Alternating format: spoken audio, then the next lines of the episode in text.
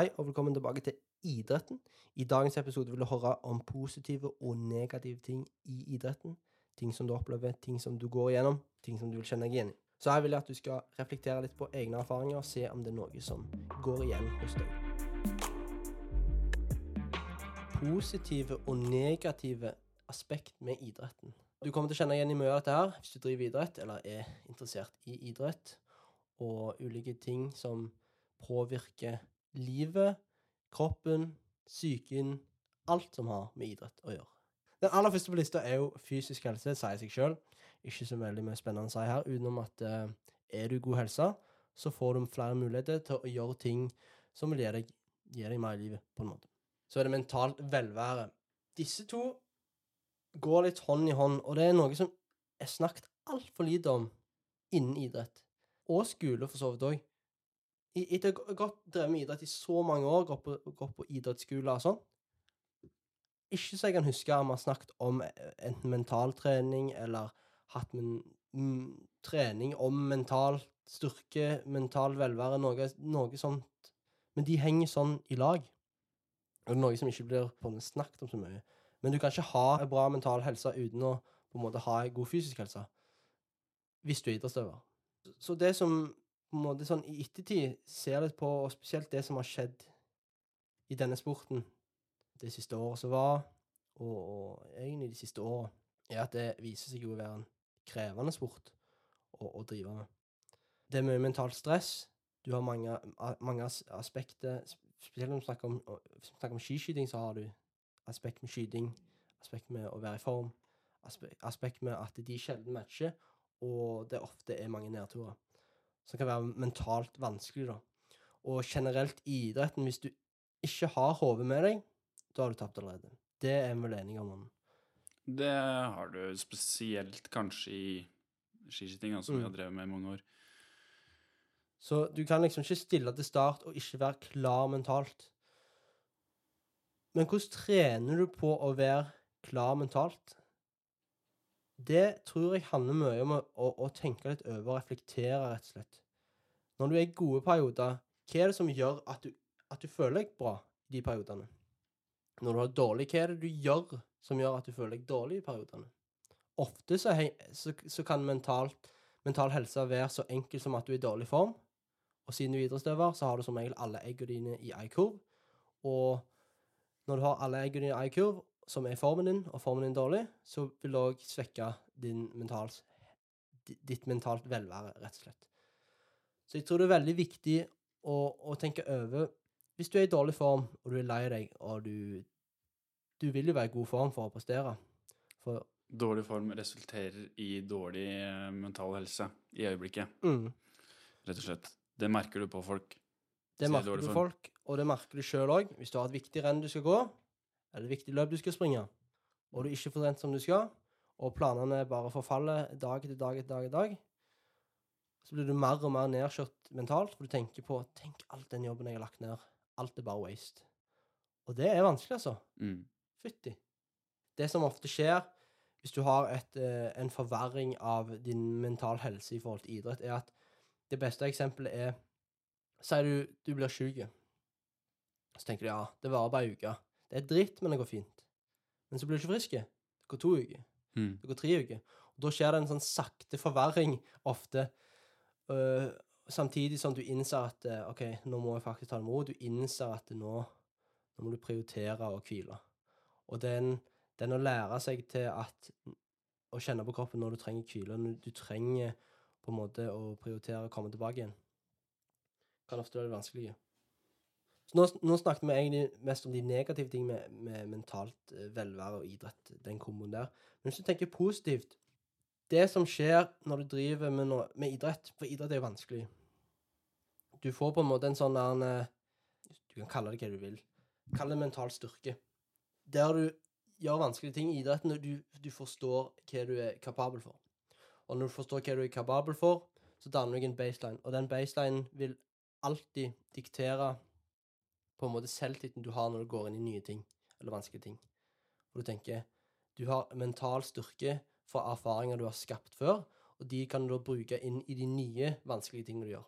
Så det er på en måte en positiv side av det med mental helse innen idretten, vil jeg si. Neste punkt er disiplin. Hva er det du ler av? Ja, jeg kan òg si det om mental helse. Hvis du sliter mentalt, bare få deg ei bikkje. Ja, men Men han er litt påtrengende akkurat nå. livredd for at den skal slippe henne igjen. Faktisk. Ja. Who's a, who's a good boy? Ja. Fine gutten. Fineste gutten i gata, ja. Neste punkt. Disiplin og selvdisiplin.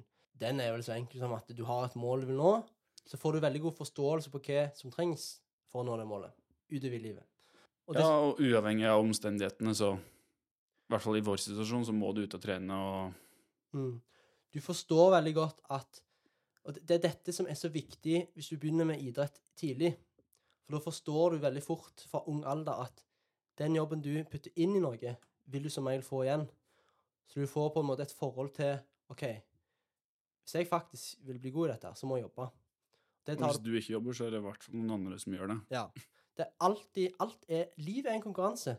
Det er det som er så dumt med at alle skal få premier. For at du sier det til alle kidsa.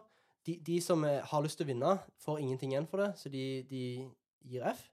For det at eh, hva er vitsen å, prøve å prestere når du, alle får medalje? Nummer to er at du blir vant med å få medalje for alt, så ingenting er verdt å jobbe for lenger.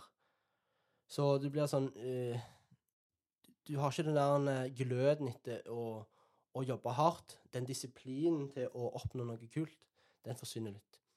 Men sånn alt i alt, det er veldig bra forhold til disiplin og selvdisiplin og det å drive idrett. Du får et veldig sånn godt forhold til det med arbeidsmoral, vil jeg si. Det tar du med deg videre i Mm. livet. Ja, det stemmer det, Ånden. I arbeidslivet. bra, veldig bra input. Ja. Veldig bra. Teamarbeid og samarbeid. Ikke så veldig mye erfaring med det i, i individuell idrett, men jeg vil si det. Det er en enorm verdi dette merka med får det jo sånn når vi gikk på videregående og sånn, da, via å liksom være en del av Kall det et lag. Det er jo individuell idrett til sjuende og Mm. sist, men du trener jo en gruppe.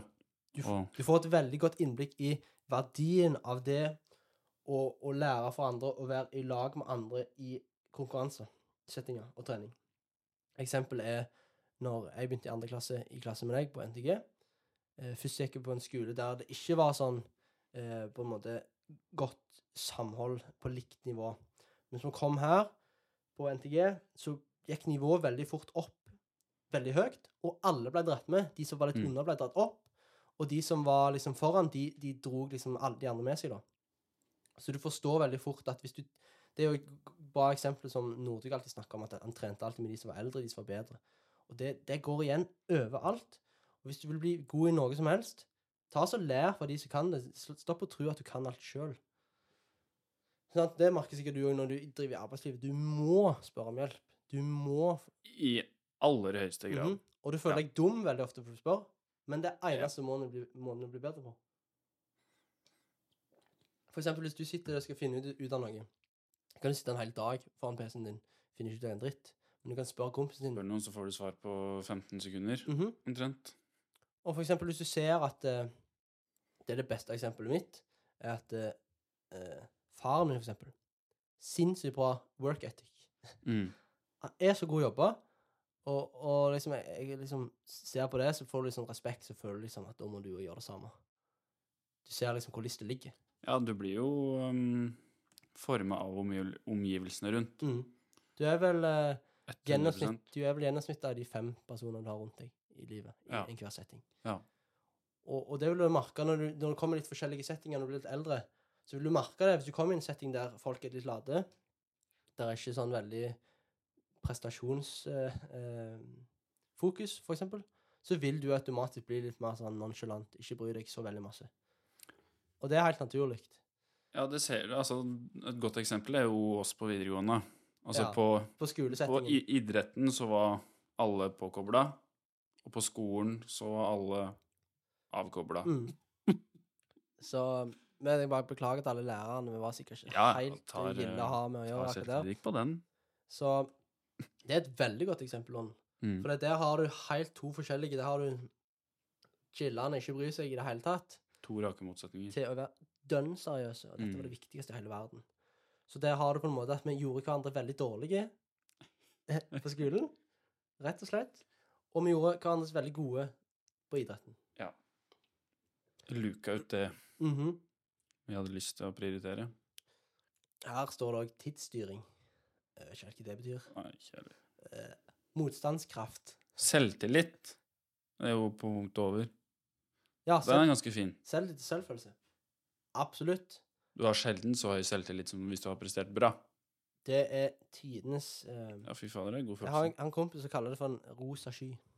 Ja. Du kommer på en rosa sky, og den kan vare lenge. Så lenge du preste- presterer, da. Det er jo det som er bøygen. Mm. Du må holde de, på- de gulrøttene komme. Ja, den går eh, Det tar tid å bygge den opp, og så blir den knust ganske fort. Det er litt sånn som aksjen er sånn til høyere aksjen kommer, det større sjanse er for det raser ned igjen. Mm. Men absolutt, altså Den spesielt Si du setter deg et, et høyt mål. Si du vil vinne VM eller vinne NM eller noe som helst, som du egentlig syns er litt sånn Kall det et hårete mål, da. Det er så vanskelig at du, du tror at du kan klare det, men samtidig er det så vanskelig at det Skal det gå an? Mm. Og så får du til. Den følelsen der er ganske enestående, rett og slett. Jeg vil i hvert fall tro det. Ja, ja da, hvis, vi, hvis vi tenker tilbake på de episodene vi har hatt, når du snakket om at eh, ja, du var på 40.-plass på HA, Ja. for eksempel. Sant? Så kommer kom, kom året etterpå, eller på sommeren, eller jeg husker ikke hva det var, men Da får du selvtillit. Da plutselig er du på pallen. Eh, Sånn. Og da plutselig har du inn, innsett at det, Oi, dette er jeg god på, og da får du selvtillit. Kanskje litt for mye selvtillit, egentlig, når du kommer såpass ut av det blå. Ja, du blir litt sånn eh, tøff i trynet, da. Ja. La, litt for mye tro på deg sjøl. Ja. Det er jo da balansen. Du må ikke få for mye selvtillit. Du må alltid Du få må ha litt selvinnsikt òg. Ja. Du må, du må forstå hva som, hva som kreves for å ha- opprettholde det nivået. da. Mm. I forhold til selvfølelse, så er vel egentlig det det samme. Ja. Du har selvtillit, da føler du deg bra. Glede og lidenskap. Jeg føler vi ramser litt opp her nå, men eh, det er jo for så vidt et godt poeng. Det går litt unna de andre. Altså, du får til noe stort, så har du jobbet for lenge, så får du glede. Som alt annet i livet. ikke så veldig spennende, egentlig, hvis jeg er helt ærlig. Eh, Kanskje ikke så veldig gode po- points her, men da går vi til negative. Ja. Dritten. Dritten med idretten, rett og slett. Number one, skade og fysiske belastninger sier seg sjøl. Ingenting som er verre enn å ville være en plass idrettsmessig og ikke kunne gjøre det fordi du er skada. Det finnes ikke så mye verre ting enn det. Det kan du grave deg ganske dypt ned. Mm. Den går litt tilbake til det mentale at eh, I hvert fall sånn Det eneste du har lyst til å gjøre, er ut og trene eller konkurrere. Og liksom Ja, kunne matche deg med andre, mhm.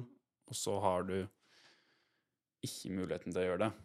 Du kan ikke gjøre den ene tingen som egentlig gir deg glede. Nei. Du har egentlig mista hele livsgleden. Det er alt du prioriterer i hverdagen, hverdagen, -huh. og så blir du fratatt muligheten, muligheten til å gjøre det. Ja. Den er ganske kjip. Ja, den kan være høy. ja. Konkurransepress og stress. Dette er jo et sånn aspekt av idretten som er veldig individuelt hvordan folk takler det.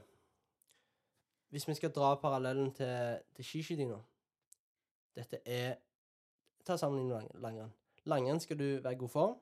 Du skal ikke tryne. Så går du godt bra, løp. Så får du resultat. På skiskyting er det så mye som skal klaffe.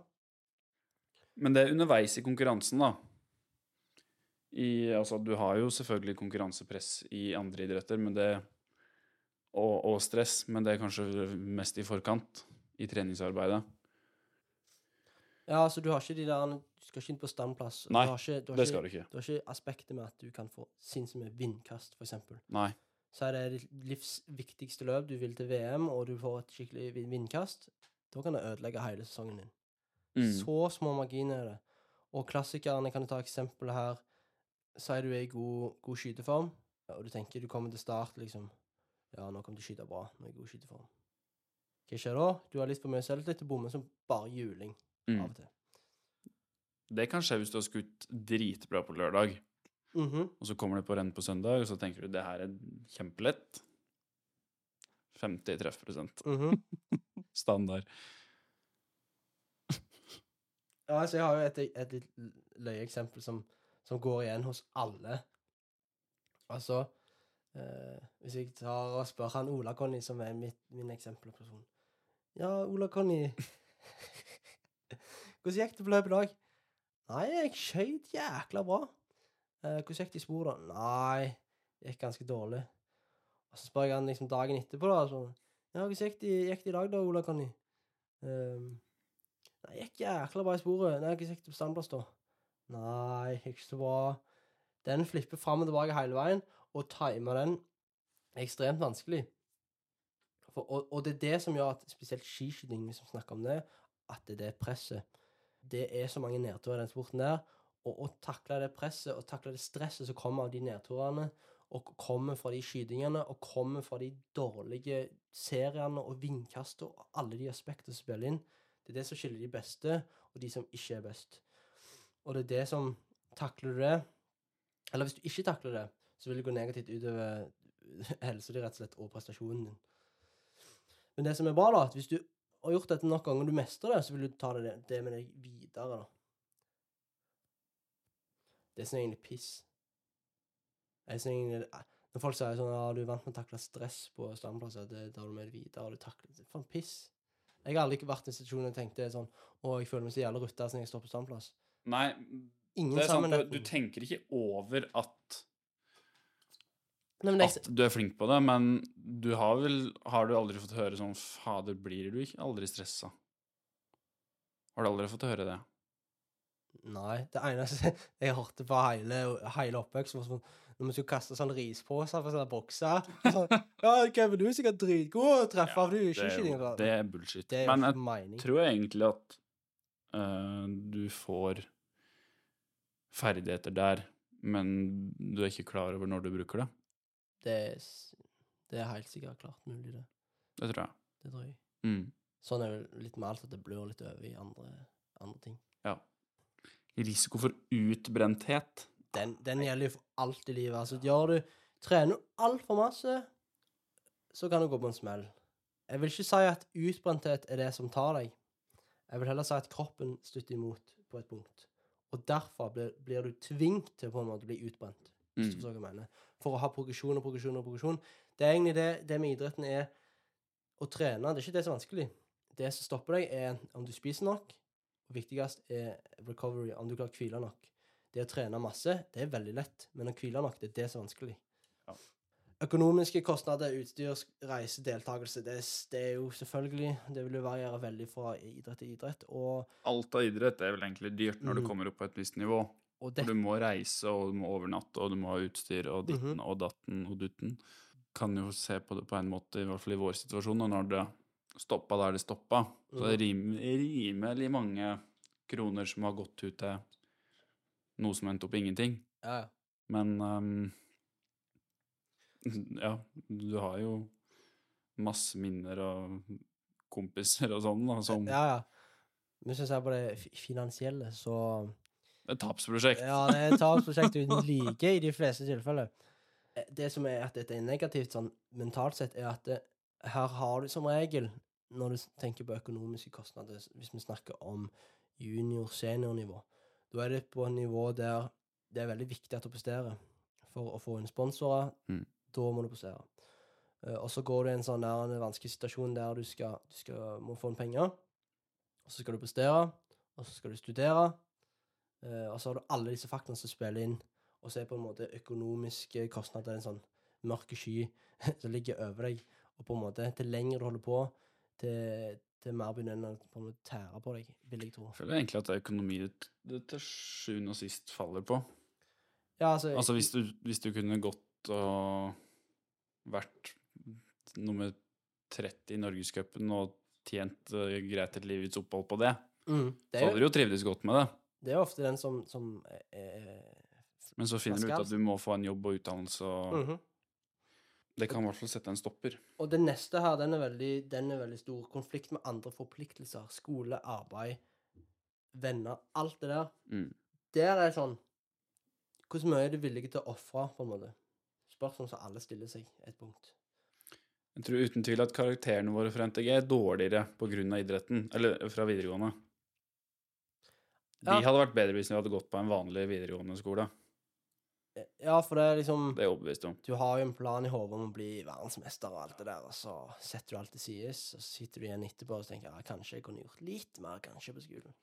og ikke vært så ubrukelig. Så sier jeg ikke at alle idrettsutøvere er sånn, det er absolutt flinke folk, men du nedprioriterer veldig lett andre ting. Ja. Og det må du på en måte til en viss grad. Og så er det, er det jo det at idrett fort kan bli en unnskyldning, at du bruker litt som et skjold for å unngå ting. Eh, Veldig lett eh, å unnskylde seg med at du ikke kan ha jobb eller Ja. gjøre skole fordi Mm. at du skal drive med idrett, mm. uten at det kanskje egentlig er fakta. Mm. Og jeg, jeg er enig i at i mange tilfeller, hvis du, hvis du trener absolutt alt du kan, og gjør så masse du kan, da er det veldig vanskelig å, gjøre, å gjøre de andre tingene bra.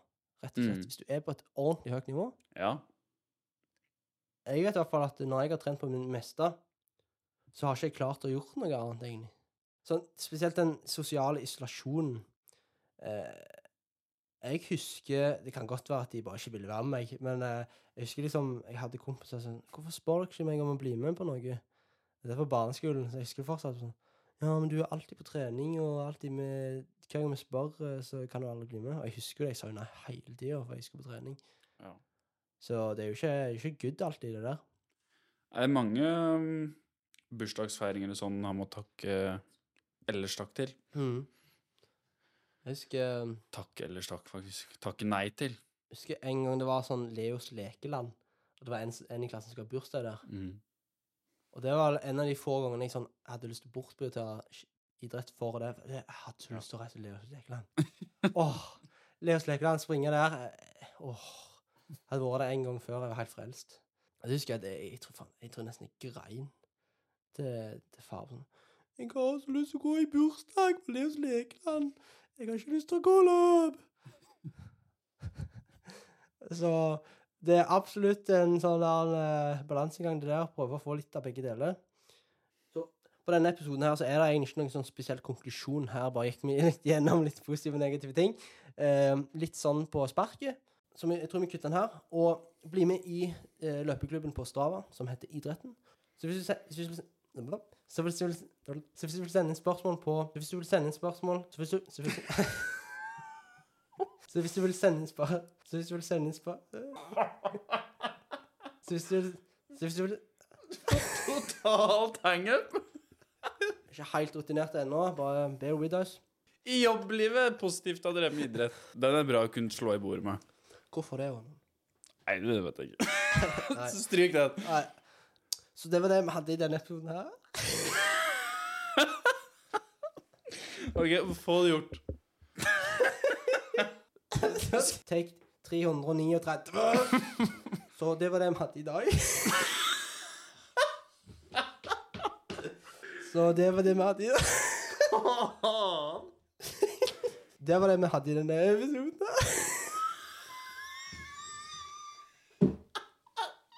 Du, det må jeg bare si, folkens, at dette er jo litt sånn uvant for meg, og når vi er ikke vant med dette her, så det er så vanskelig av og til å være seriøse. Vet, vet du hva, hva det føles ut som? Det føles ut som jeg sitter på skolen, og nå skal ha presentasjon. og jeg klarer ikke å se på trynet, jeg holder bare på å le meg igjen. Det er faktisk ganske god sammenligning. Så jeg tror vi avrunder denne episoden her. Det var e- egentlig ikke noen sånn god konklusjon, vi bare gikk litt sånn gjennom litt positive og negative ting. Og jeg sier igjen, hvis du vil bli med i løpeklubben på Strava, så heter den Idretten. Den er åpen for alle, og den vil bli brukt eh, senere som content i episodene. Hvis du vil sende inn spørsmål, så kan du gjøre det til idretten understrek podcast på Instagram. Ikke begynn nå. Nå er jeg så godt eh, i gang her. Så er det bare å følge med videre her. Så send inn spørsmål, og ha det bra.